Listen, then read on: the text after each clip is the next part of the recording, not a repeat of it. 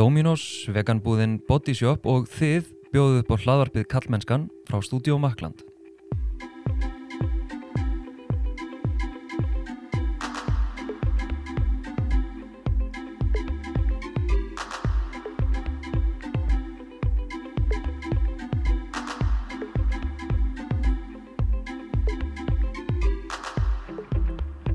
Heiti Þorstein Mafeinarsson og sé einnig um samfélagsmiðlinn Kallmennskan á Instagram og Facebook og kallmennskan.is þar sem þú getur meðal annars gerst bakkjarl þessa hlaðvarps og fræðslumiðlunar á samfélagsmiðlum með mánæðilegri styrtargarislu.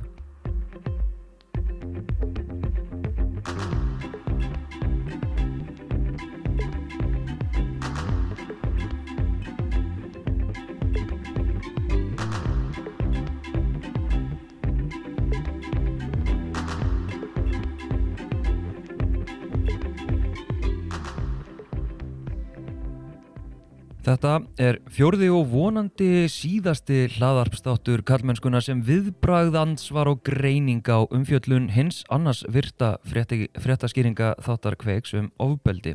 Í þessum þætti ætla ég með aðstóð sérfræðinga úr pallborði kveiks að reyna að skýra hvers vegna umfjöllun kveiks vakti upp svona hörðið bröð og hvernig var æskilagt fyrir okkur sem einstakling og samfélag að heia baráttu og, og þróa umræðum ofbeldi gerendur og þólendur. Í stúdióið eru mættir þrýr af fjórum sérfræðingum úr pallborði Kveiks, Ólaf Tara Harðardóttir, Bardukona meðlumur Öfga, Katrín Ólafsdóttir, eh, doktorsnemi sem er að gera rannsókn á gerendum og Þórður Kristinsson, mannfræðingur, doktorsnemi og feminískur Karl sem hefur verið ansi lengi í barátunni. Við munum síðan reyna að ná á sólegu símleiðis undir lok þessa samtalsokkar en, en verið þið öll velkomin. Takk fyrir. Takk. Takk, takk. Sko þið tókuð þátt í pallborði uh, kveiks sem, sem viðbrað við uh, gaggrína og meingalla illa ígrundað á einhliða einfjöllunum hreinsunareld Þóri Sæmundssonar sem álaði hóp þólenda sem gerendur. En síðan hef ég séð ykkur gaggrína í rauninni setni þáttin eða þáttin þar sem þið voruð sjálf í pallborði og hef heyrt sum ykkar tala um oflítinn tíma og leiðandi spurningar Þóru þið hefði ekki komið öllu að eða eða ekki nógu rétt haft eftir ykkur og séum að þú líka skinja að þið séfrængandir væru jafnvel innbyrðispínu ósámála þannig að ef við bara förum línuna og hérna þó ég ætla að hafa þetta alltaf svona innrammað og fókusir að þá ætlum við að reyna að gefa okkur smá tíma í að, að krifja umræðan almenlega og, og, og jafnvel reyna að klára hana eins og, eins og hægt er. En ef við förum hérna bara línuna og kannski byrjum á þér Þórður, sko hvað er það sem að uh, Já, ég ætla að áherbörgur öll en, en byrja á þóriði. Sko, hvað er það sem að þið brunuð inni með eða tæli helst gaggrínavert við báðar umfjallinir kveiksum ábyldi og, og hvað er problematíst við kveikstættina tvo? Þóriður, ég vil byrja á þér. Ég vil bara byrja að þakka Þortin að, að leifa rödd Karla loksins að heyra. Nei, hérna, nei, uh, ok, ég má ræða þessi kveik. Uh, hvað á maður að byrja? Ok, ég, ég held að sé búið að segja nóg um fyrir þáttinn. Og þú Já. bara sumeraði þetta mjög vel upp. Uh, hann var problematiskur frá bara fyrstu mínútu og út í gegn allan þáttinn og, og þetta var eins og horfa bara á bílslýs í slow motion. Um, en við vorum síðan fengið hérna til þess að koma í kveik og ég veit ekki alveg hvort að þið hafi öll fengið sama tölvubóstun og ég að því að mér fannst við ekki alveg komin að til þess að ræða sama málefnið Já, en, en það er allt í lagi og, og ég, ég ætla að hrósa hérna Þóru fyrir að- að hafa þó hendi í þennan kveiksþátt, setni þáttinn. Að því að þetta er þú veist, eitthvað sem þarf að ræða og, hérna, og við fengið svo sannlega tækifæri til að, að ræða þessi mál eftir hennan þátt. Það var, var ég sagt bara allt vitlaust. Að því sögðu þá var þetta allt, allt of stutt og allt, allt of ófókusirað. Og mér leið eins og við værum alltaf að byrja umræðu um eitthvað. Ég, ég, ég, ég, ég mætti þarna til að eiga í samræðum. Já, en þetta var svona að svara spurningu og síðan var strax farið í eitthvað, eitthvað annað mál. Þetta, Já. þetta var svona valla hljóðbútur til þess að hérna, hafa eftir okkur. Ég skil. um, ég ætlaði sem þetta að koma til þess að ræða þetta karla sem gerendur og hvort þeir eru í afturkvæmt í, samfélagið. Og ég var alveg búin að sjá fyrir mig veist að við myndum ræða þessar þessar ræðilegu tölfræði veist, ein af hverjum fjórum íslenskum konum sem eru annarkvort uh, þólandur kynfyrsofbeldis eða, eða hérna naukunar tilraunar eða naukunar eða naukunar tilraunar sem er bara fáranleg tölfræði. Fáranleg og alla þá gerendur sem hljóta að vera bak við þessa statistík og síðan þegar við hugsaum um þú veist uh, með við tölur sem við höfum frá, frá stígamótum þá eru réttum 10% sem, sem uh, fara með máli til lauruglu svo þess að 90% sem, sem fara ekki með máli til lauruglu og af þessum þarna 10% þó, sem þó rata til lauruglu þá er ekki nema 13% sem enda í, í kæru og sakvætingu mm. það, það, er, það er bara svakalegt svo þess langmestu meiri hluti gerenda er bara það núti já, já, já. og er bara með þessa veist, reynslu sína af því að hafa brotið á einhverjum mm -hmm. annarkvort þannig að, að þeim er bara slett sama, að hafa ekki hugmynd um það að þeir hafa gert eitthvað af sér að því að við búum í nöðgunamenningu mm -hmm. og síðan erum við kannski vonandi mögulega með einhverja sem vilja gera eitthvað í sínum málum Mm. og það er frábært að þú veist það þýðir að þeir séu mennskir það er gott að hafa tilfinningur og sjá eftir einhverju og þá erum við með úrræði og ég, ég held ég að vel að við myndum aðeins ræða þessi úrræði Nei, nei. við erum með úrræði sem við hérna, getum beint þeim í Já. og þeir eiga okkur að fara þessa leið ef, ef þið líður illa með þetta, ef þú sérði eftir þessu þá getur þú sóttir hjálp þú getur unnið þér Mm. En það þýðir ekki að þú hafur eitthvað tilkall til þólandaðina að þeir fyrirgefi þér Mm. að þeir hlusti á þig aldrei fara þáleið ég held að við værum að fara að ræða okkur þetta já, já, já. en, en við gerum það ekki Nei. e, að ekki. heyra í Kötu, hver, hver er þín uppljöf? Hver var mín? Uh, já, ég, bara, ég tek náttúrulega undir allt sem þú segir, sko. Mér finnst þetta hérna, ég held einmitt, finnst, ég er alveg samanlega, ég held við höfum öll lappað inn og við erum svolítið ólíkar upplýsingar um hvað var að fara að gerast. Það var svona svolítið mín tilfinning.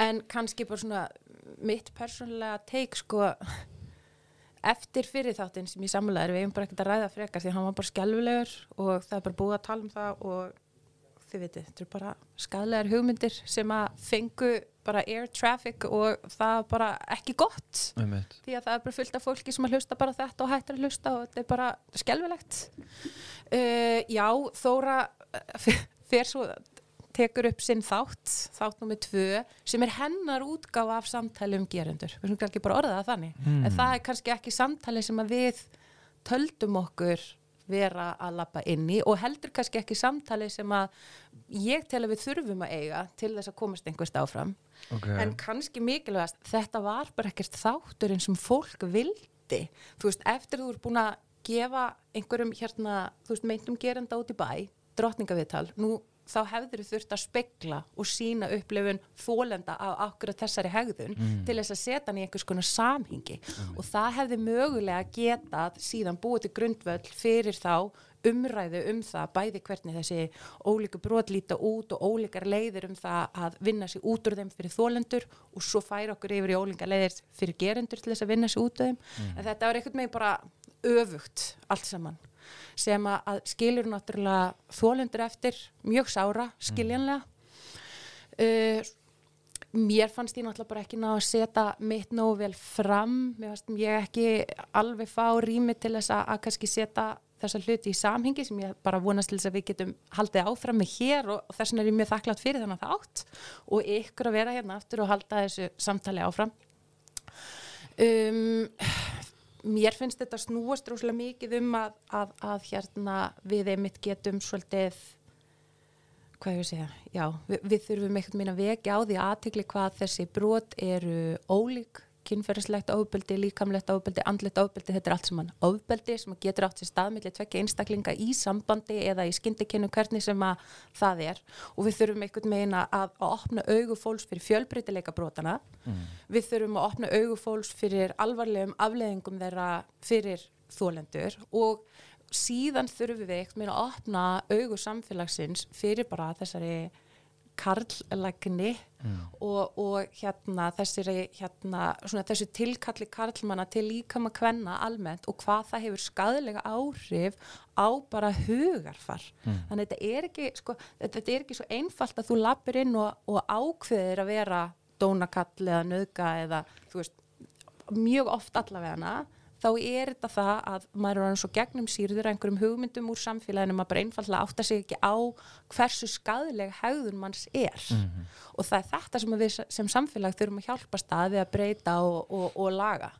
Og það held ég svolítið svona leiðin líka að þessari umræði að við ekki aðtekla á því hvað þetta er almennt og stórt og fjölbreytt. Við getum ekki hengt okkur á einhvern einn frægan kall sem að barma sér í einhverju drottningaviðtalið, þú veist, þetta er náttúrulega bara skelvileg útgáfa af, af þessum brotaflokki, sko. Einmitt, einmitt.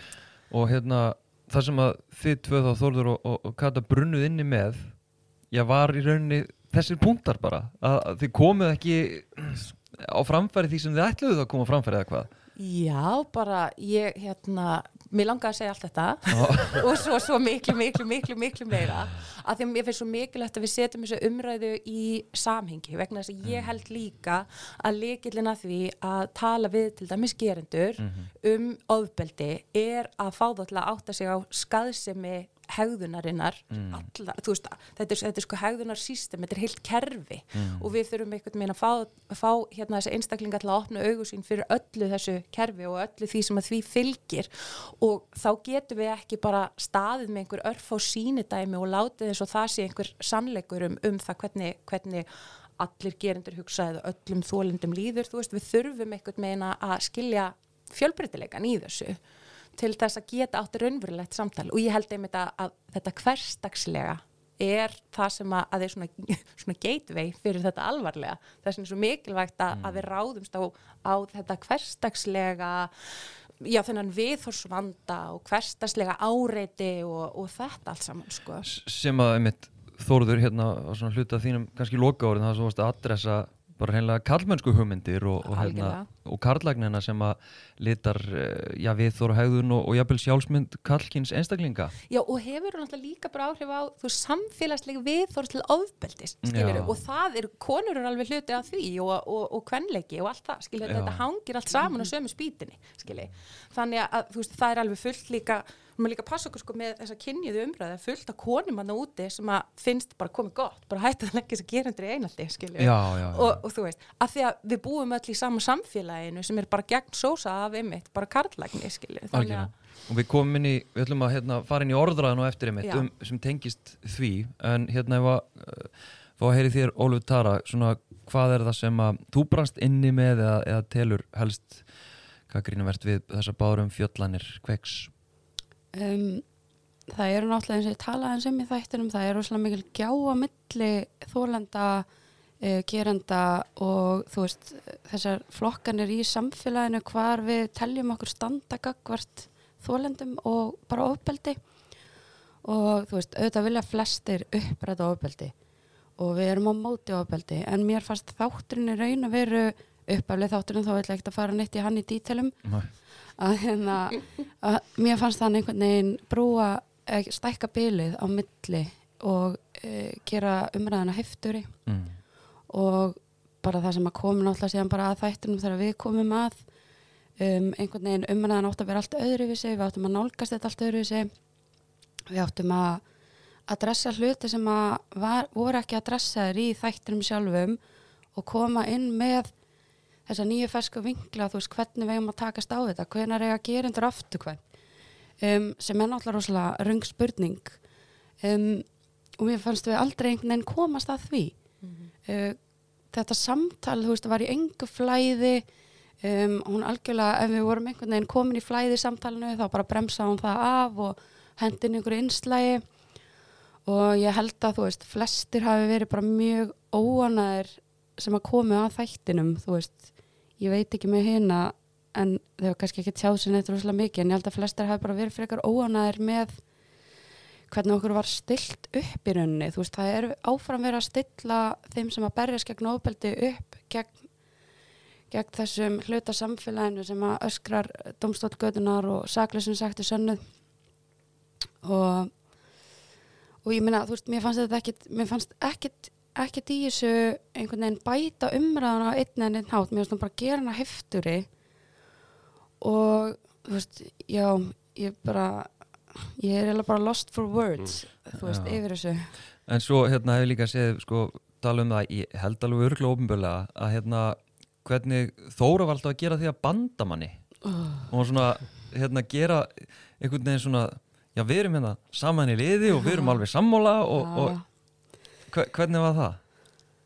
Það er eitthvað sem að mér finnst ótrúlega skrítið vegna svo hún hefur uppalega samband við mig vegna þess að hann fann svo áhafverið punkturinn þegar ég kem inn á vinnumálastofnun sem er náttúrulega uppalega punktur sem kemur frá samstagskonumenninu Huldurhund í okkum. Það sem að við áttum náttúrulega samtal um þú veist, okkur er vinnumálastofnun ekki að grípa þetta, okkur er að, þú veist, aktivistar og kunnar að svara fyrir?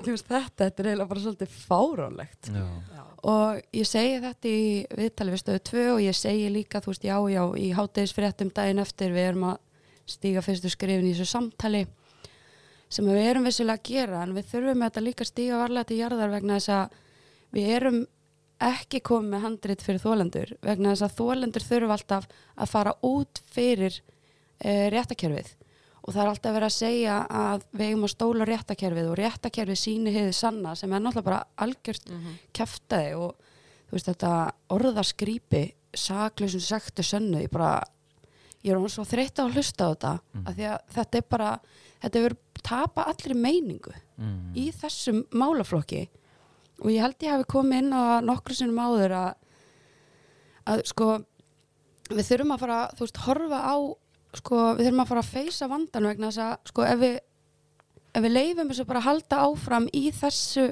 þessu fari sem það er í umræðinu svona er akkurat núna að við ætlum ekki að trúa þólendum nema þeir fái dóm og þú veist, í gegnum kerfinu. Um, ef að sko, og jafnvel þó að gerandin er dæmdur að þá eiga allir rétt á öðru tækifæri.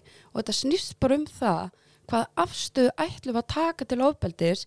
Við þurfum ekki að, við þurfum ekki að hata þá sem að sem að hérna, beita ofbeldi.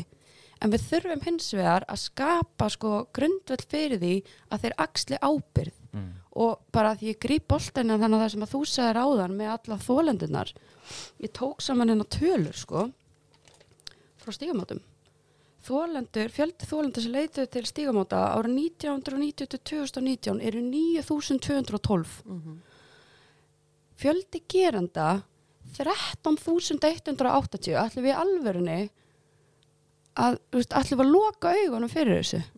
Og við vitum alveg að það er ekkit allir þólendur sem fara á stígamót. Mm. og að það eru náttúrulega bara mjög lítið hluti gerenda held ég sem átti sig á því að þeir sé að beita ofbeldi. Fyrir utan Já, það, og það er bara, þú veist, fræðslan, við þurfum að færa fræðsluna á yngri skólastígin vegna þess að ef að við byrjum ekki á fræðslun snemma að þá við höldum við nákvæmlega þessari menningu þar sem að ofbeldi þrýfstu þögninni, það er normaliserað og ég veit að það hittir suma illa við köllum þetta menningu eða við segjum að ofbeldi sé normaliserað en það er normaliserað vegna þess að þetta er bara, já þetta er bara hluti að vera kona Einmitt. eða hluti að vera hérna, þú veist, í jaðarhóp eins og transfólk og, og fleiri jaðarsettir hópar, þú veist, þetta áægt að vera hluti af því.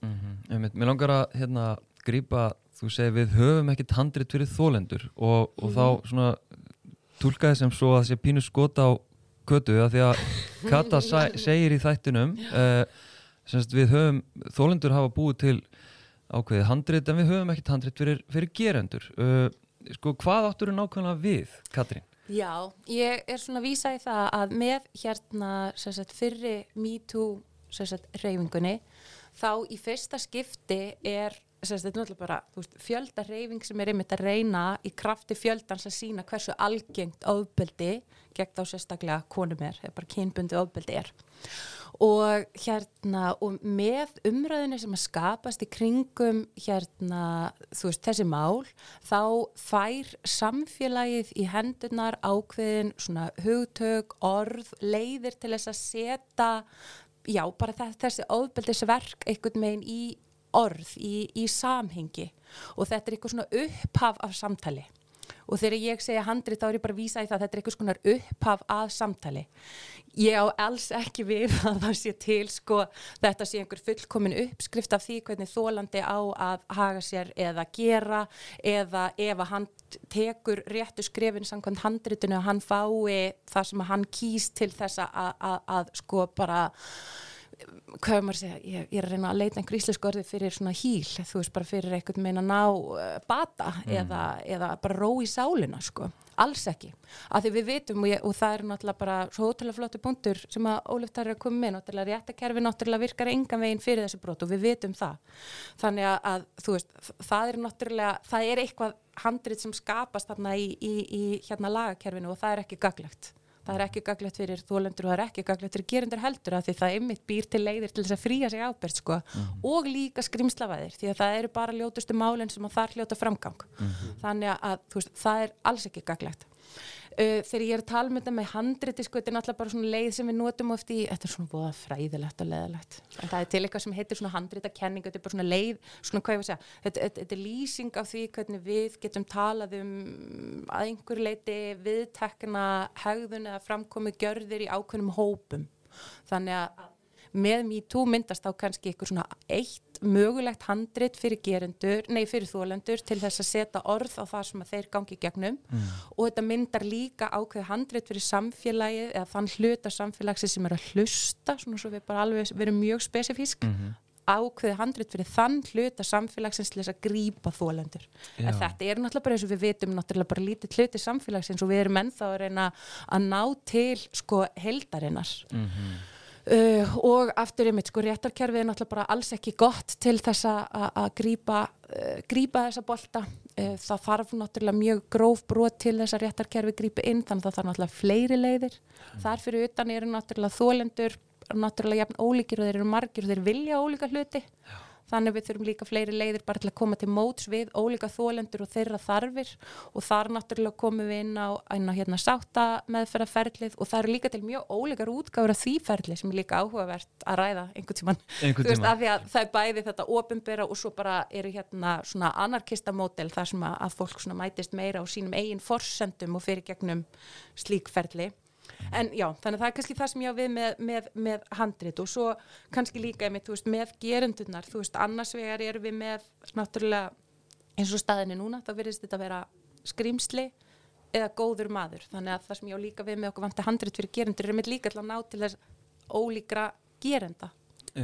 Frá ólíkum brotum. En það var, þú veist, samingi sem þetta kemur fram í, þú veist, þú svona hendur þessu fram í einhvern veginn umræðinni og allan ef ég les sko út úr umræðinni og gaggrinnin í kjölfarið var að, að þú var að vera gerenda meðvirk Já. og svona einhvern veginn ætlaðist til þess að þólendur og baratu fólk svona myndi nú koma fram með eitthvað handrit fyrir gerendur og greiði þeir, þeir náttúrulega bara hafa ekkert handrit Nei, nei. uh, þannig að hérna en þarna ertu væntanlega að vísa til þess að, að hérna sko að gerendur hafa ekki skapað þetta handrit. Nei, þeir hafa ekki skapað það sjálfur og þeir náttúrulega verða að gera það sjálfur það er náttúrulega ekki okkar að búa til þeirra handrit sko. Já, Mér finnst þetta líka undirstryka mjög vel eh, hversu hræðilegur þátturum var vegna þess að, að hún kemur inn með eitthvað insla, hún er ekki eins og að klára það. Og veist, það var ekki rými fyrir útskýringar, það var ekki rými til þess að koma dýpra inn á hvað við vorum nákvæmlega að ræða um. Og þú veist, vorum kannski bara í einhverju svona samengist leysi, bara hendi einhverju fram að því við vorum í einhverju tímastressi og mér langar líka þegar þú talar um sagt, hérna, að, þú veist, að því, og talar um réttakerfið það sem við sjáum líka svo sterklega og það sem að ég er svona búin að vera aðeins að hugsa um undarfarið að það er sko við sjáum náttúrulega bara hvernig hátt settir menni í þessu samfélagi haga sér og nú ætla ég bara að vitna í þú veist, villi vil, hann nú bara þekktur bara hrotti við þólendur og hérna og við sjáum sko lögmenn og bara þá sem eru hátt settir í, í réttakerfinu okkar veitast að þólendum ofinberlega og ég hugsa bara með mér, vá, þetta eru náttúrulega bara fyrirmyndirnar og menninir Já. sem eru að ráðleggja þessum mönnum hvernig þeir eiga að fara að þessu Akkurat. þannig að það er svo sem ekkert skrítið að hérna að sko að það komi svona yf, innhaldsleysar yfirlýsingar vegna þess að fyrirmyndirnar eða þú veist þeir sem standa fyrir þessu eru valda miklu menn Já, já, já. Og mér finnst líka bara einmitt talandi um, veist, þessa, hérna, ákveðnu típur, sko. Þeir eru náttúrulega líka, náttúrulega, þú veist, vald, þeir, þeir eru svona byrtingarmynd þess hvernig karlægt samfélag ítrekkar og endur tekur áðbeldi gagvart sömu einstaklingunum sem eru þarna nú þegar til þess að reyna að leita rétta sinns að því það búið að brjóta á þeim. Þetta eru einstaklingar sem að, einmitt, búið við mikinn sásuga, eru einhvern megin að reyna að fá viðurkenningu á því að sásugin sé út af einhverju ákveðnu, að einhver gangist við því að hafa meittu, þannig að, þú veist, þetta er svo mikill að vera partur í ferlinu að því að ná bata, en þeir svona íta og íta á þessa ákveðnu punta sem þeir vita að einhvern megin sko afvega leiða umræðuna en er aftur bara byrstingamind bara karlags samfélags og karlags hérna réttakerfis Nú var ég að spyrja, þú veist, ok, þetta gerist varla í öðrum brotaflokkum Nei. uh, en sko, erum ekki komin á þann stað að við, við þekkjum þessa taktík og það þyrfti eiginlega bara að taka í veg fyrir það að þetta sé, þetta sé í bóði. Hvað áttu við þá? Já. Nei, ok, til dæmis lítum á löggefina, ég tekið það núna dæmi sem er ekki tengt akkur þessu sem við erum að tala um, en í bandaríkjunum þá er í uh, öllum fylgjum nema einu uh, löglegt að nota þá vörn í uh, morðmálum eða þú hefur drepið trans einstakling að þú hefur bara orðið svo sjokkraður. Og það er gilt til refsi lækunar Já, það er eitt það, það er sem Kaliforníu fylki er eina fylki sem bara segir nei, þetta, þetta, þetta er ekki bara í bóði Mm. þú getur ekki sagt veist, þessi manneskja er einhvern veginn þess eðlis að ég bara hef ekki hömlur á mér og, og, og, og, og þurfti bara að skjóta hana. Eða myrðana mm. það er bara ekki bóði og maður hefði einhvern veginn haldið að þetta væri eitthvað sem við, við hérna, gætum ég vil tekið upp í, í bara lögmannastjættinni hérna það er ekki bóði að fara að draga upp hérna fyrri kynlífsreynslu eh, druslu skömmuna allt þetta drast Hver var það sem var í, var það einhver frá ykkur í augum sem var að tala með þyrstum sérstakann dómstól fyrir þessi brot? Nei. Þar sem að fólk einmitt færi bara á sérstöku námskeið. Það kom hérna í umræðin, ég las það einhverju þrenn, sá snillingur sem kom með þessa hugmynd má endilega gefa sér fram því að þetta var geðugu punktur. Akkur ekki bara nýr, ný, ný dómstól sem að tekur bara kynferðisbrot og heimilis og ofbeldismál og er bara með sér þjárlvað starfsfólk í að halda utan um þólendur í gegnum það ferli og stoppa lögfræðinga sem ætla að fara í svona rætnar persóna ára sér af. Já, og líka séu leiðbina sko sínum skjólstæðingum til að bara skjóta inn inn, þú veist, uh, fyrir mörgum árum síðan að þá hérna, þjóðþektu maður, Egil Gils, setti rosalegt fordæmi fyrir svona aðförð að, að þólendum. Og sko, ég var að taka þetta saman, ég held að maðurinn hafi gefið út sjö yfirlýsingar, róaði þig, kallið minn. Alveg slagur, sko. Einmitt. Það er líka svo áhugavert hérna, svona léttur út úr en nátengt þessu sko Æ, þú veist, þegar til dæmis hérna lögfræðingurinn sem ég man ekki hvar var að vinna sem var hérna uppísað áreitni og sendi út afsökunarbeðinni á, á Facebookinu sínu eða eitthvað. Svo áhugavert að þú veist, hver lækar þú veist, þetta var fjölmjölum fyllun sko, hver lækaði statusin hans og hvaða merkingu þetta var, hvað var þetta, hérna einhver yfirmaður í hæstarétti eða eitthvað, ég man ekki alveg hver þetta var. Munið hver þetta var? Nei, ég man ekki en hver ég lækaði. eftir að lesið fyrirsögnar Já, nákvæmlega. Og ég held ég hafi gert það sama en þú veist, þetta er bara, er bara nóg fyrir mig. Já, já, ég skil. Já. Þú veist, og þannig er líka veist, þessi kalla samstaða þessi, þú veist, við erum saman í þessu og, og í rauninni kemur í veg fyrir að menn þurfi actually, að axla fulla ábyrð Einmitt. Nákvæmlega, má ég taka þetta? Já. Af því að, sko, ég veist þetta er svo ótrúlega góð punktur að því að, að, að hérna, núna erum við að rembast við að, að hérna, eitthvað svona áttugráði hvernig við getum fengið fleiri gerundur til þess að axla ábyrð og svo framvegis og við erum að henda fram alls konar svona hugmyndum, hugtökum og orðum og svo sjáum við þetta bara, þú veit, ég bara líða bara nokkri dagar, þá er einhver farin að nota þetta Mm. í svona, já ég veit ekki alveg hversu, mm, þú veist, einlægum tilgangi að þá er einhver farin að grípa þetta. Og einmitt, ég spurði mig þegar ég las þessa fyrirsögn og einmitt alveg komið aðeins og nefndi ekki alveg að lesa alla fréttina en hugsaði mig bara, æ, þú veist, er þessi einmitt að reyna að nýta sér orðaforðan til þess að skreita sig með án þess að þurfa raunverulega lítið eigin barm og reyna að axla ábyrgð. Er hann í rauninni búin einmitt að aflæra þessa skadlegu hegðun sem hann var að beita eða ætlar hann bara að segja sorry þú veist, í einhverju ofnbæri afsökun og halda svo bara áfram að gera það sem hann er að gera. Já, ég ætla bara, veist, ég ætla að grípa þetta og tengja yfir í næstu spurningu, sko, að hérna, mér finnst það bara ekkit sérstaklega trúverðugt að akkurat þegar þú verður uppvís að óviðendi hegðun sem að næri yfir að þér virðist, samkvæmt frásögnum, yfir sko mjög langt tímabil með mjög, mjög alvarlegum afleðingum að akkurat þegar þú verður uppvís að því ofnbælega, þá, þá skyndilega sérðu að þér og ert orðin breyttur maður, þú veist, ég bara, ég kaupi þetta ekki. En, en hérna, en ok yfir í næstu spurningu sem er nátengt þessu að því að, þú veist, ekkert okkar og ég hef ekki heyrt neitt eitthvað tala um að þið viljið tortíma eða cancela gerendum eins og svona umræðan og orðran er daldið og hérna, og fólk er ímist að sko henda í, hérna, hugtaki gerendameðvirkni eða að að þið hatið bara karla viljið cancela öllum köllum og, og veist, og myndum gerendum og gerendum og allt þetta.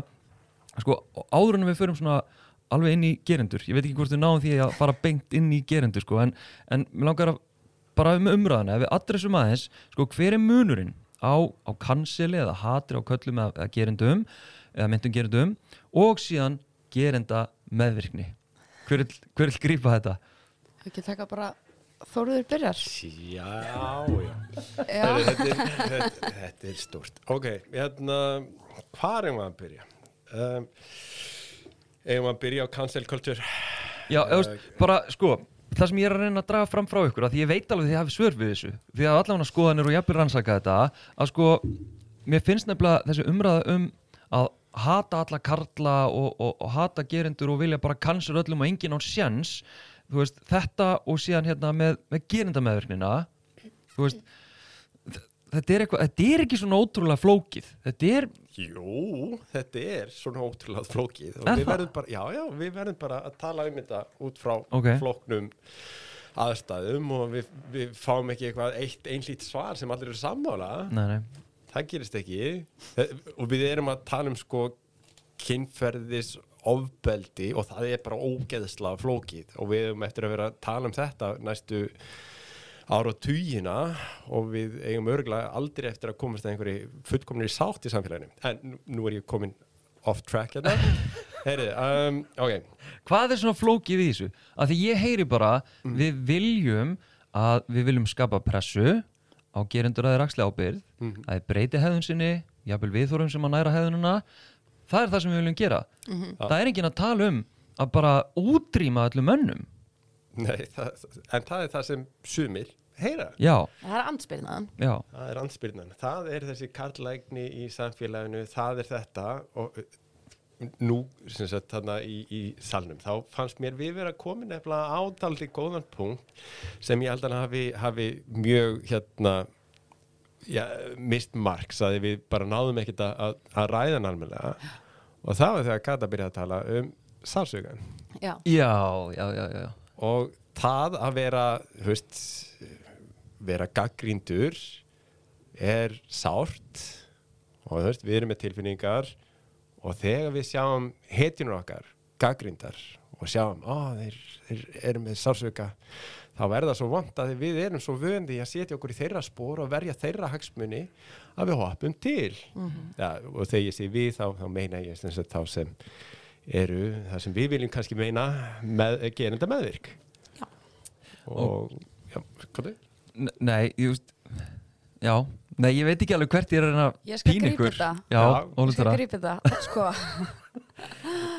Sko Munurinn náttúrulega á því að vera geranda meðvirkur og sko þú veist, það sem allir eru að tala um hennar kansilkultúr sko við erum einfallega að byggja um það að þegar þólendur opna á sársöka sinn og berskjálta sig að þeim sé ekki útskúfa á samfélaginu. Að, hérna, að það skipti ekki máli á hvað skiluru í hvað valdastöðu gerandin er að við einfallega trúum því að þólendur eru að leita sér leiða vegna þess að einhver staðar hefur eitthvað brugðist. Gerandin hefur ekki axla ábyrð hefur ekki fengið í rétti sínum hérna eh, fullnægt í réttakerfinu, þau aldrei fengið viðurkenningu á brotinu sinu, þannig að við erum komin einhvern veginn svona út fyrir það bara, við, við bara opnum okkur, við berskjöldum okkur og bara nennir einhver að grípa mig og viðbröðin eru, eru einmitt þetta, saklausin sektur sönnu og domstöld götunar þegar við viljum í raun og veru bara að við séum gripin en ekki reynda að druslu skamma okkur, þólenda skamma okkur, draga okkur í efa hvað við gerðum vittlaust og finna allar mögulega leiðir hvernig hann er ekki ábyrgur fyrir brotinu. Það er held ég bara útgangspunkturinn. Við viljum bara okkur sér trúað. Amen. auðvitað auðvitað, en, en þú veist samfélagið, það er og það var kannski með það sem við vorum kannski líka að reyna að koma inn á í þessum, frábæra þætti, það sem við náðum ekki að klára neitt. En hérna var einmitt að sko samfélagið er náttúrulega svo gerenda meðvirt, þannig að þegar að hérna þólandi stígur fram og hérna bendir á geranda sinn og segir bara, herði, hérna, þú mittir mig. Þú, þú veist, og svo kemur fylgir broti, sko. Að þá uh, við sem samfélag við finnum svo til með gerandanum, þú veist, okkur verður svo ílt að það sé verið að ásaka hann um eitthvað svona vond að fyrstu viðbröð út af einmitt, bara samfélagslegum viðþórum, karlægni og öllu, allar þessari súpu fyrstu viðbröð okkar eru bara, nei, hann, nei. Það er svo góð strákur. hann er svo góður strákur, og það er sársöki en, og, og þetta, við verðum að ræða það líka. Það er sársöki samfélagsins, hann er ekki til í að horfast í augu við það hvað það er vond að góði strákar meiða þannig að í staðin fyrir að takast á við sásökan sem er akkurat það sem við neyðum alla þólendur til þess að gera þá gefum við gerundum færi á að bakka vegna þess að við viljum bakka. Við erum að venda sjálf okkur frá því að fara í gegnum sásökan við viljum ekki horfast í hann og við ætlum bara að bakka og þá segjum við bara nei, hann er góður. Ég held að hún sé bara eitthvað að íkja í staðin fyrir að taka einmitt afstöðu með þólandanum og fara inn í sásökan með þólandanum og það er það sem þólandin á skilið að því hann er fastur í sásöka hann bað ekki um hennar sásöka, hann er fastur þarna og á yfirleitt bara ógæðislega erfitt með að komast út úr honum og það er okkar að stíga bara inn í það og hjálpa til, skilur, með því að trúa. Það er það sem samstæðan er. Algjörlega og líka bara þetta með, þú veist, með eins og bara það er komið bara, þú veist, menn bara missa vinnuna, þeir missa mannorðið, þeir missa hitt og þetta en það er líka hluti af þessu heftin, eins og ég kom inn á heftin myndast vegna ábyrðaleysis og þetta myndast líka sko, ég sem feminist kona tek ákveðna afstöð skilur, ég bara ok, ég vestla ekki þarna vegna þess að þessi maður hefur tekið þátt í aðför og þólanda á opinberu vettvangi.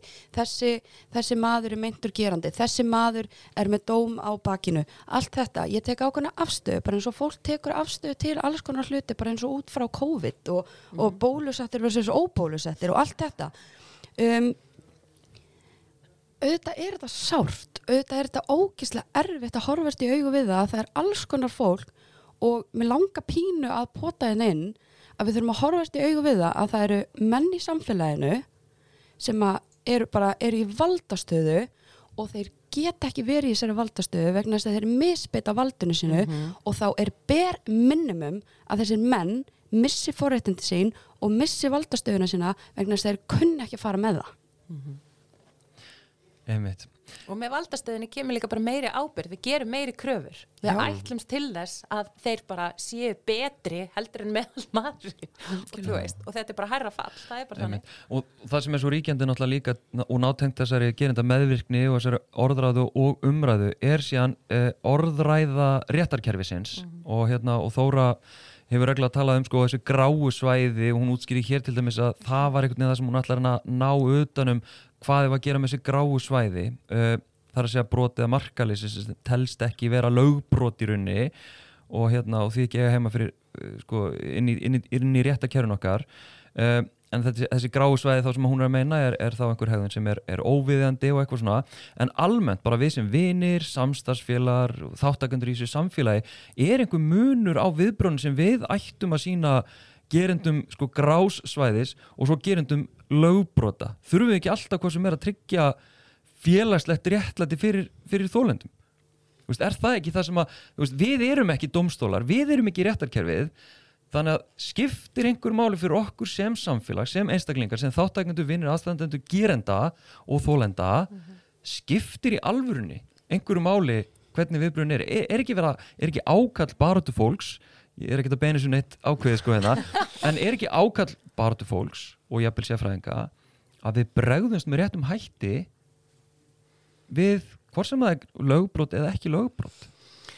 Ég minn þetta náttúrulega snýst um að aflæra skadleg hegðunar mynstur eins og ég er ekki búin að segja sjösunum ég sem þetta svo ég bara ítrekki það, þetta eru bara skadleg hegðunar mynstur og svo eru hérna afleðingarnar ólíkar. Þær geta, þú veist, og yfirleitt byrjar þetta hægt og rólega og svo verður þetta vex, þú veist, þessi hérna skadsemi þessara hegðunar eftir því sem álýður og ég held hérna í spjallinni mitt rétt fyrir þáttunum var ég að byrja þetta svolítið saman við hérna alkoholisma þetta er einmitt svona, þú veist, þú fyrst er þetta svona smá helgardrykja og svo allir er þetta árið bara viðstöðulegst, bara vandamál, þú veist, og það er svolítið svoleiðis kannski með hérna áðbeldi að það getur byrjað með, hérna, þetta byrjar kannski einmitt með skadlegum viðþorfum til hvenna sem byrtist í smávægilegri, smávægilegri, þið sjáu ekki gæsalappina sem ég er að gera en það eru mjög stórar, en þið veitir byrtist í svona áreiti og svo getur, hérna, getur hegðunar minstri tekið á sig alvarlegri og, og breytari mynd eftir því sem álýður.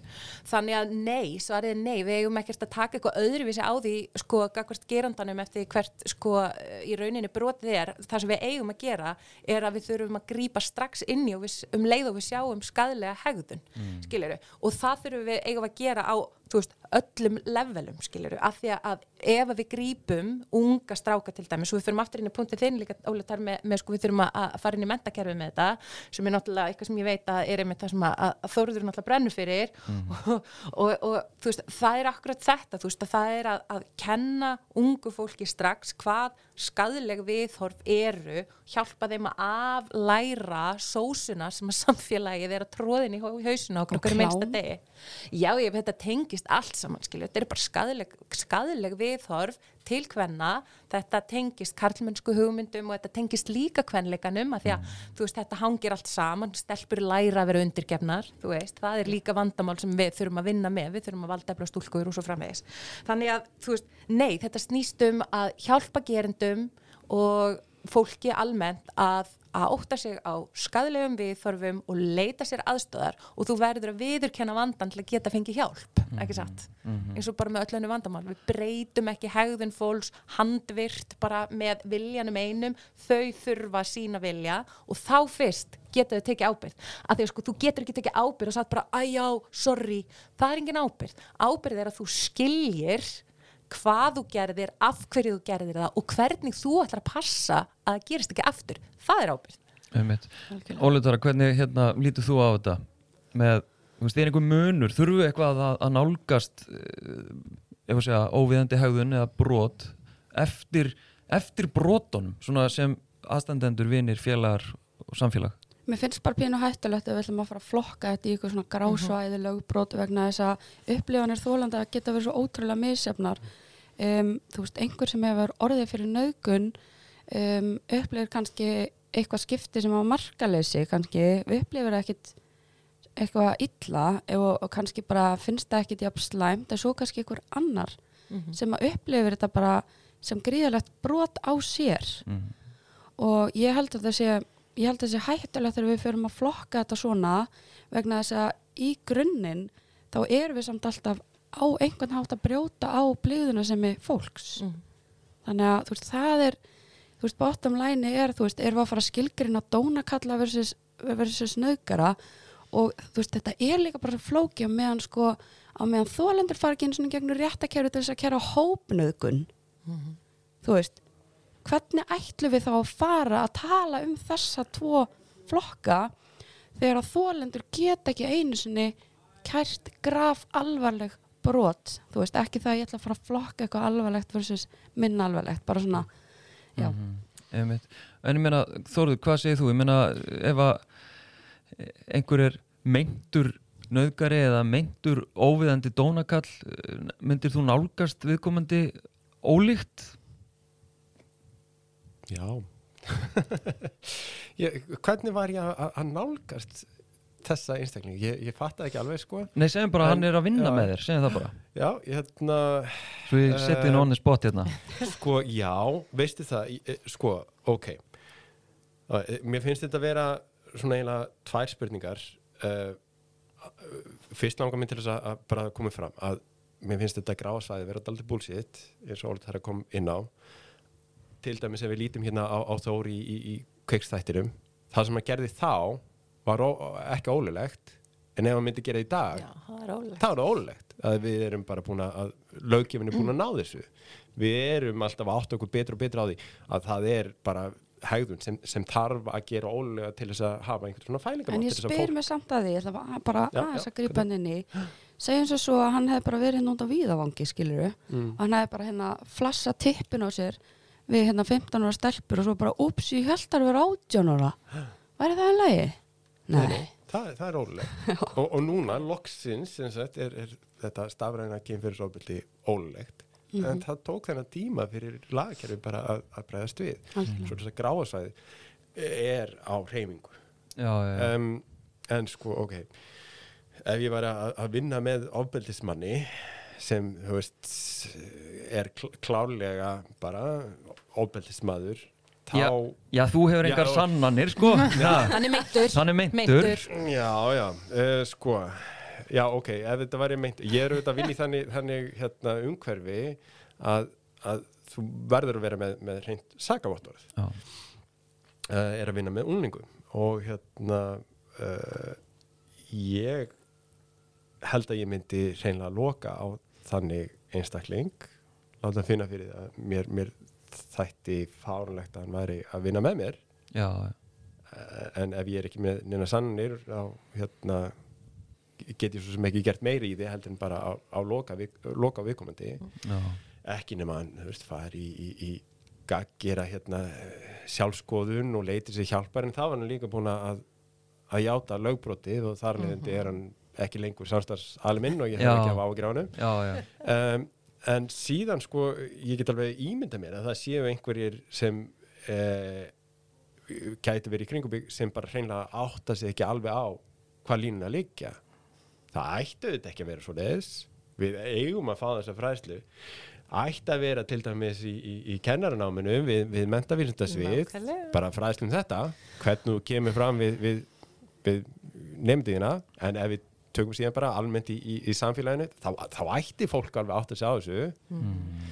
En ég held að ég myndi til dæmis frekar veist, segja nei þetta, þetta sem þú varst að gera þetta má ekki, það, þú hagaðir ekki svona.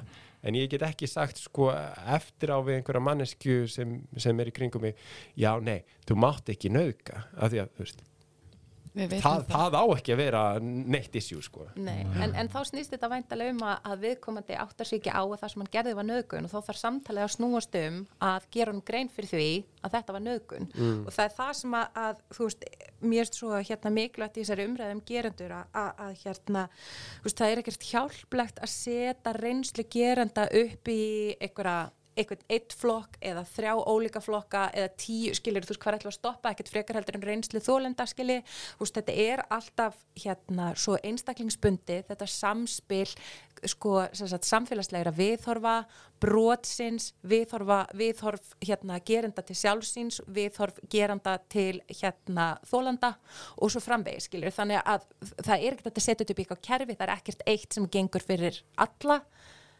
en einhver staðar þurf, snýst, snýst þetta allt saman um, um skadlega hegðun, um að vera með ofbeldi og reyna að losna undan ofbeldi, ef við tölum um þetta eins og eitthvað svona sjúkdóm sem við gætum unni með og hjálpa fólki að losna við, sko Já. allavega í, í mörgum tilvikum Ég ég er að reyna hérna, einmitt, þú veist, þetta eru, þetta er tvent. Uh, við erum semst að koma hérna, við erum að leiða hérna, við erum að byggja undir hérna loka orðin okkar, sko, við ætlum að reyna að gera okkur hérna upp einhverju hugmyndur um, um lausnir í þessari umræðu og bara hvernig útrýmum við ofbeldi og svo framvegis. En ok, við erum bara hér og nú, veist, við, hérna, við erum bara hér, þannig að það eru fullt af gerendum hérna. Og bara út um allt eru fullt af gerendum. Við vitum í rauninni ekkert hvar þeir eru eða hverjir þeir eru. Uh, en sko þannig að þess vegna er, er þetta tvent í rauninni og það er það sem ég reyna að poti ykkur hérna með og kannski fæ input frá þér Ólf Tara, það er þetta hvernig eigum við sem aðstandendur gerenda að nálgast þessa meinta gerendur. Þú veist bara byltingarnar hafa skapað þessa pressu og þessa kröfu, sett fram þessa kröfu á gerendur axla ábyrð hvernig svo sem það lítur út. En við sem bara sem eru mjög lituð af þessari sósu gerinda meðverknis þú veist, hvernig nefn að rjúfa hérna, rjúfa okkur út úr þessari meðverkni og hvernig nefn að díla við þessar aðstæður að vera mögulega með gerendur í kringum okkur ef að gera eins og þorður að, að hérna, hætta að tala við viðkomandi er það ég er ekki að gera grín, ég er bara að segja í veist, eh, væri það það sem að við ættum kannski að taka bara skýra afstöðu og herru, ég ætla ekki að tala við þig hérna, sest ég þann annar staðar og eitthvað svona eh, hvernig horfið þú á það, Ólutara? Sko mér þykir eiginlega mikilvægast hvernig gerandir sjálfur bregst við eins og ef ég ætti að bregðast við því að bara minn besti vinur var gerandi þá myndi ég taka samtali við hann um, ég er ekkert að fara að hata hann um, ég myndi bara, herðu, hérna ég bara, bara herðu að þú hefur naukað hérna stelpu.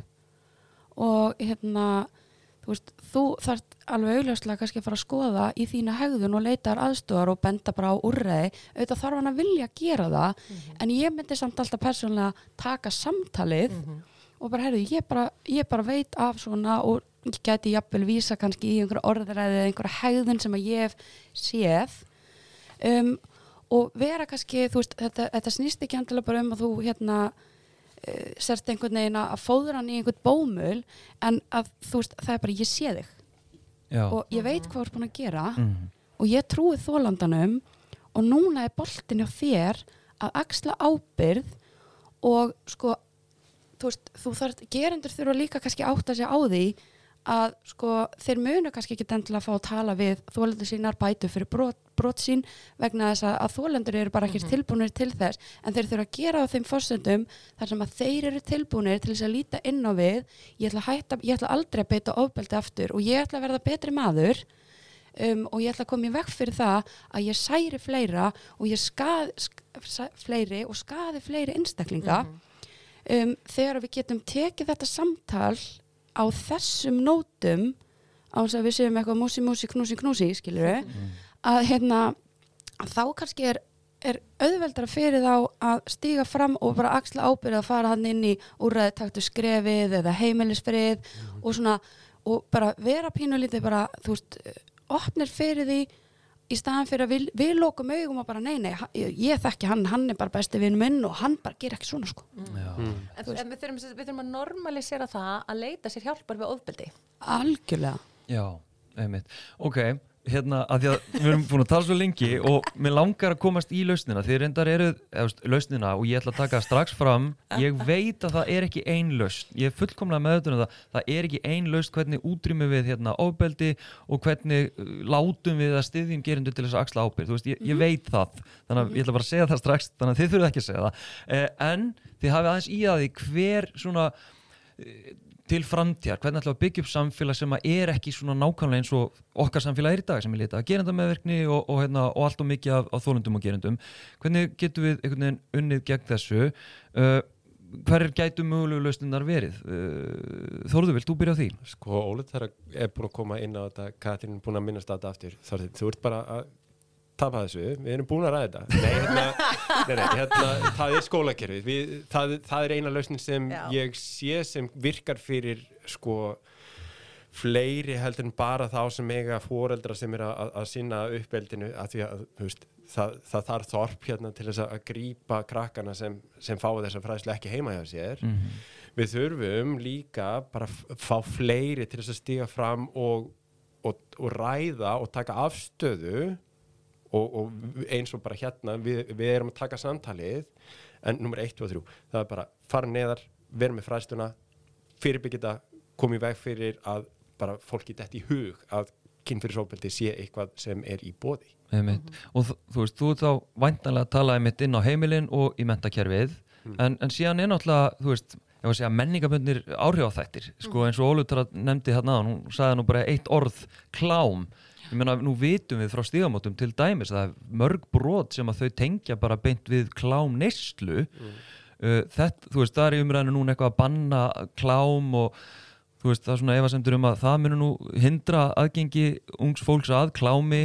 Ég meina, það er náttúrulega líka alls konar annað sem að litar viðþorf fólks þessi dulda, til dæmis hvern fyrirlitning, þú veist þessi dulda sem að í rauninni ég veit ekki, kannski mun mentakerfið, formleg fræðsla og, og kennsla eh, vega upp á móti þessum duldu viðþorfum, dragaðu upp og útrýma þeim, ég veit það ekki en, en það er náttúrulega líka, veist, það er klámið og það er hérna vinahópurinn, það er jafnvel hérna foraldrarnir skilur sem að eru að móta annars konar viðþorf þá, og vinna gegn þá mögulega mentakerfinu ég meina hvernig getur við Þetta er svona, hvað ég vil segja, þetta, þetta er hérna, þetta er langhlaup já, og ef við byrjum núna með ungt fólk í mentakerfinu, þau verða foreldrar, skilji, og, og þá eru þau kannski komin með hérna, einmitt, það, þú veist, þeirra viðþorfir ekki þau sömu, þannig að þá eru þau orðin þorpið sem að eluru börnina því að, þú veist, það er ekki bara þorpið sem grípur börnin sem er ekki góða foreldrarna sem eru með þetta reynu, heldur bara að þorpið er að alveg börnin okkar hvort sem við viljum það eða ekki, sko. Já. Þannig að þorpið skiptur einstaklingar sem við ætlum að fara að búa til í skólakerfinu verða fóreldrar, nú þá erum við komið upplýstara þorp og hægt og rólega gerist þetta. En þanga til, þá langar okkur væntalega að gera eitthvað því að við getum ekki bara beðið í 40 ár eftir að, eftir að þessi vandi, þú veist, hverfi. Þannig að það er kannski það sem við erum frekar að horfa okkur núna svona samhliða, sko, Samhliða. þessu. Já, að það eru náttúrulega, þú veist, einhvers konar, veist, átaksverkefni og vitundavakningar eru alltaf góðar en því miður sína rannsóknir líka að, að, að e, áhrifin eru skammin. Þannig að, að þetta snýst um að halda boðskapnum gangandi, lifandi, stöðugt og alltaf. Og ég veit ekki, ég, ég tala stundum um það í vinnunni sé ég í svona mindhunterleik. Ég er að reyna að skilja af hverju gerendur gera það sem þeir gera sko. Og ég er að reyna að skilja það einmitt út frá samfélagslegum viðþorfum út frá stjætt út frá einmitt, þú veist, hvern fyrirlitningu og gerendamæðverknu og öllu þessu og, og ég er að reyna að búa til einmitt upplýsingar fyrir okkur öll til þess að, að reyna að vinna úr. Þannig að frekari rannsóknir eru náttúrulega eitthvað en aktivismin er náttúrulega mjög stert afl og ótrúlega mikilvægt afl eh, og vanmetið afl held ég af, af hérna stóra samfélaginu. Hvað já. grasrótin er ógæðslega mikilvæg í baráttu fyrir málefnum sem eru flókin, erfið og fáir vilja snert á Einmitt. þannig að það er betri mettun, meiri aktivismi ég skal reyna mindhundra aðeins meira ég veit þið Já. tekur undir það álítara, það er bara meira og stærri byltingar Sko, uh, við þurfum náttúrulega fræðsluna en sko, svo kemur fræðslan hann inn á, inn á grunnskóluna og í yngri stígin og eftir, eftir hérna stegvaksandi ár eftir ár. Uh, svo erum við náttúrulega kannski bara með hérna fóraldrana sem að eru kannski bara hérna stiðjandi kvenleiki og, og hérna karlremba sko. Þannig að þú veist það vantar kannski bara fræðslu fyrir fóraldrana inn í skólana líka uh, og svona uh, meiri framsækni eftir því að skilja betur uh, hva, hvernig hvernfyrirlitning byrtist í samfélaginu uh, hvað klámvæðing hefur mikil áhrif um, opnar að samtali eins og við bara unga drengi sem byrja ungir að horfa klám uh, hvað, hvaða áhrif klám hefur á heilastarsimina um, svo þurfum við þetta að bæta réttakerfið okkar vegna þess að sko réttakerfið er, er eitt hluti af þessu og síðan samfélagslega samfélagslegi vandin er annar. Þannig að sko ef, að, ef að við sjáum frekari afleggingar, uh, betra inngrip eins og fyrir þólendur þar sem skiptir úst, eins og fyrir mig sem aktivist, aktivisti þá skiptir mér svo gríðarlega miklu máli að við draugum úr sko um, ef draugum ekki úr ef, við, þú veist að við hérna að við grípum þólendur þú veist, sem eru bara dett út af vinnumarkaði eru með sjálfsánum sjúkdóma vegna, vegna áfalls. Uh, og eru bara, þú veist, eru bara ekki að fungera í samfélaginu og það er gríðarlega mikið að þólendum manna úti sem að fungar ekki í samfélaginu og komast ekki aftur inn í samfélagið. Og meðan við erum að grenja með mengtum gerendum þá getum við ekki gripið þessi einstaklinga vegna þess að hannúðin með þeim er svo ótrúlega mikil og hún yfirtekur samúðuna og, hérna, og samkjöndina sem við höfum fyrir þólendum og sko fjölmiðlar eiga svo ógæðislega stóran þátt í þessu. Þeir mála okkur aktivistuna upp eins og við séum eitthvað klikkar.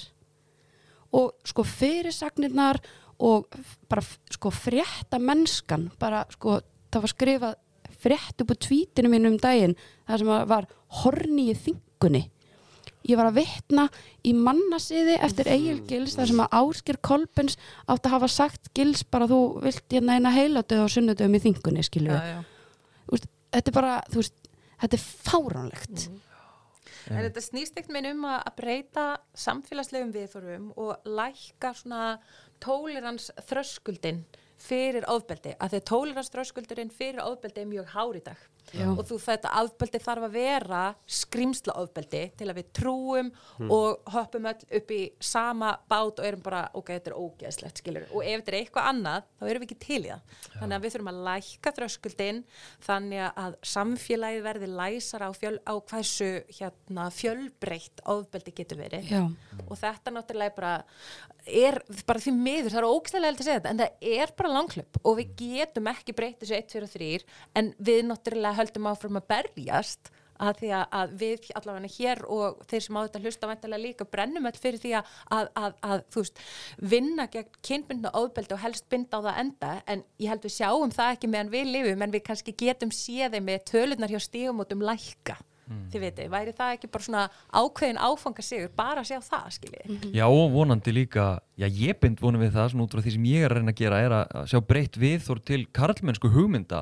Akkurat, Og- og svo hérna- mikilvægur partur af þessu. og, hérna, og þessi viðþorf og þú veist, þessi karlægni og þetta entitlement og Já. það, það er svo margt sem að er þar í þessum duldu viðþorum, tel ég, Já. sem að í rauninni næra stöðugt þetta ofbeldu yfirlæti. Algjörlega, og kannski bara til að skjóta inn þarna að því að þetta, sko, það verður ítrekka eftir að þessum karlmennsku hugmyndum, þeim sem við erum að tala um þarna séu skadlegar, fylgir þessi stiðjandi kvenleiki, þannig að vandamáli snýr ekkert bara að karlmennum, þetta snýr líka að kvenmennum, það er að þetta er samfélagið allt. Vissulega, að ég beini máli mínu meðvitað til karlkins einstaklinga og höfða til gerenda hæfni þeirra. En, en ég fæ þetta alltaf, sko, eftir fyrirlestra sérstaklega með fullorðnum fólki, þá fæ ég alltaf svona frá einhverjum konum. Já, við konur, við þurfum náttúrulega líka að taka ábyrð og vera meðvitaður um, um hvaða áhrif við höfum, þú veist, þær eru svo geðveikt til í að taka alla ábyrðina til sín, sko, það er ótrúlega áhugavert. Heyriði, hérna, ég ætla, ekki að, ég ætla ekki að fá að sleppa ykkur alveg strax, að ég ætla að reyna að slá þráðin til Sólega Tómasdóttur, fá smá input frá henni. Halló, Hæ Sólei. hæ, Sólei Tómasdóttir er komin á línuna hérna til okkar. Velkomin Sólei.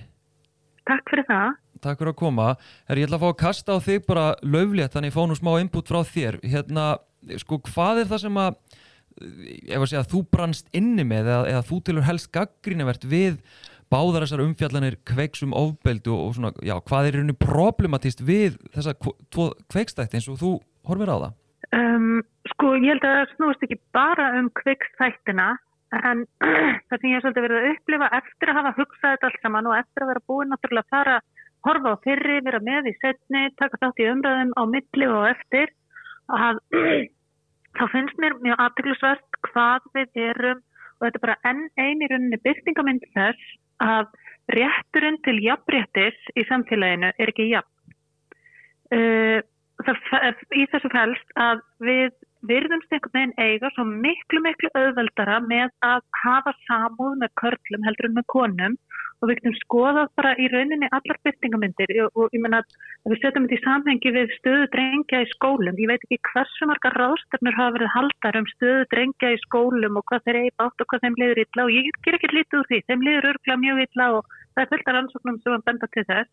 En allar rannsókninar, allar aðtiklinn sem þetta hefur fengið og það hvernig uh, feministar og kjænslukonur eiga einhvern veginn að leysa vanda, þennan vanda og hvernig við höfum að fókusera og einblina á þetta í staðin fyrir að hugsa í víðara samhengi um það hvað kynjakerfið eða feðraveldið er að skada bæði stelpur og stráka mikið uh, að það er einhvern veginn fókusin fer á það að ups, strákum liður illa við, að, við verðum að grípa til aðgerða núna því að strákum má ekki líða illa Mm. Það sama gerist í þessu Mm. að uh, allt í einu eru, eru gerendur færnir að, að hérna, þeim er fyrir að líða illa. Og þá ætlum við að hei, bara dempa heilu kveikstáttunum mörgum, vi- mörgum að vikna umræðu í það. Og aftur er ábyrðin sett á tólendur og hins vegar feministka aktivista, aftur eru það í rauninni konur, er mjög kynjað hvernig, hvaða, sko, hva, hva- hvaða fólk það er sem á að bjarga hlutunum og það er kynjað af hverju við erum að bregðast við. Það hefur aldrei verið haldin ráðstöfna um stöðu stelpna í skólum. Þó svo við vitum að stelpur sé að drefast úr kvíða og átröskunum og tunglindi og þeim liður ógæslega illa bara því að þær eru svo þægar og þær eru vanar því að vera ekki ætlast til þess að fá aðtikli eða einhver bregðist við einhverju sem þeir gera að þá hérna er það ekki vandamál og það er það sama með þólendur. Þólendur hafa uh, bara bjargað sér sjálfur. Þólendur byggu til sín samtök, þólendur byggu til úrræði. Mm. Uh, en uh, þannig að það er einhvern veginn, Ég finnst þetta vera til marksum að ef það hallar á kalla eða stráka þá eigum við miklu auðveldra með að bregðast við og það er einhvern veginn eins og við höfum miklu, miklu ríkari tilneyingu til þess að láta köllum líða vel í samfélaginu heldur en konur. Konur verður bara einhvern veginn að díla við það, þær hafa verið undir okkar og þeir hafa bara haldið hjá. Einmitt. Og hvaða, svona, ég veit að það er ekki ein lausn, en hvaða lausnir eða mögulegu lausn sér þú fyrir þér til þess, sko, í fyrsta lega komið í veg fyrir að ofbeldi verði framið og síðan þetta með alla þessa gerindur sem að eru það nútum allt en, en eru samt hverki? Um, að við bara það sama og ég hef verið að segja við verðum sko fyrir það fyrsta að hætta að hleypa hverjum sem er inn í umræðu uh, sem er bara flókin uh, fræðileg og byggð á mjög tilfinningaþrunginu og erfiðri reynslu. Við verðum að láta fólkið sem að hefur í alvörunni þekkingu og reynslu á þessum málaflokki svolítið stýrun alveg sem við látum fólk sem hefur þekkingu og reynslu á fiskveði stjórnum stýða þeim málaflokki.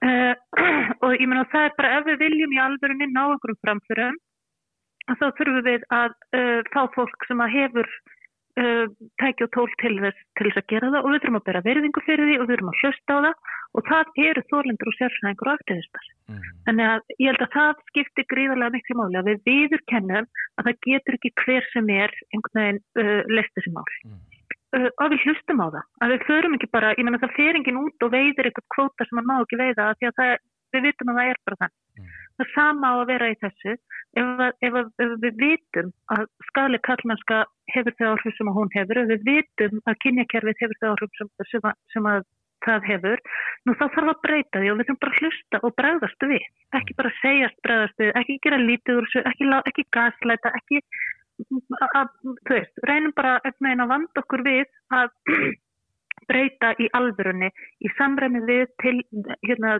tilmæli og ráðleggingar frá okkar bestu sérfræðingum á þessu. Svona eitthvað að lókum sem þú vilt koma framfæri í þessari, þessum þætti? Mér spyrir umlegt að vera ekki með ykkur. Já, við erum alltaf sammála. Hérna, þau heyra í þér sko, er eitthvað sem að þið viljið skjóta inn hérna, þið hérna með mér í stúdíónu? Dömp einhver á, á sóliu? Já, grípa þetta. Já, jú, mér finnst þetta bara, finnst þetta bara svo fullkomið innslag hjá henni og tala um bara, veist, þessa, þessa kynju, kynniðu hlutverk í rauninni í samfélaginu. Og, um, og bara þetta með sérfræðingana, þú veist, mér finnst hérna Jónsteinar sem er alltaf bara nýjast á svona dæmi, bara einhvern veginn stígur inn um umræðinu, ég er bara að reyna að uppræta ofbeldi og mætir síðan í bítið eða eitthvað á bylgjuna og er alveg að háa síðanu og ótrúlega dónalegur og ruttalegur hann við konu sem sittur með honum að, þú veist, að þau eru ekki sammála og bara svona að bara svona aðeins blási á hann í kommentarkjörunum og hann er bara að fara á límingunum sko. Einmitt, algjörlega. Hérna, Sóli, ef ekki bara hleypa þér úr, úr símanum? Jú, gerir það. Bara takk fyrir að fá að vera með og bestu kvæðið heim á klakkan Já, takk hjálpa fyrir spjallið.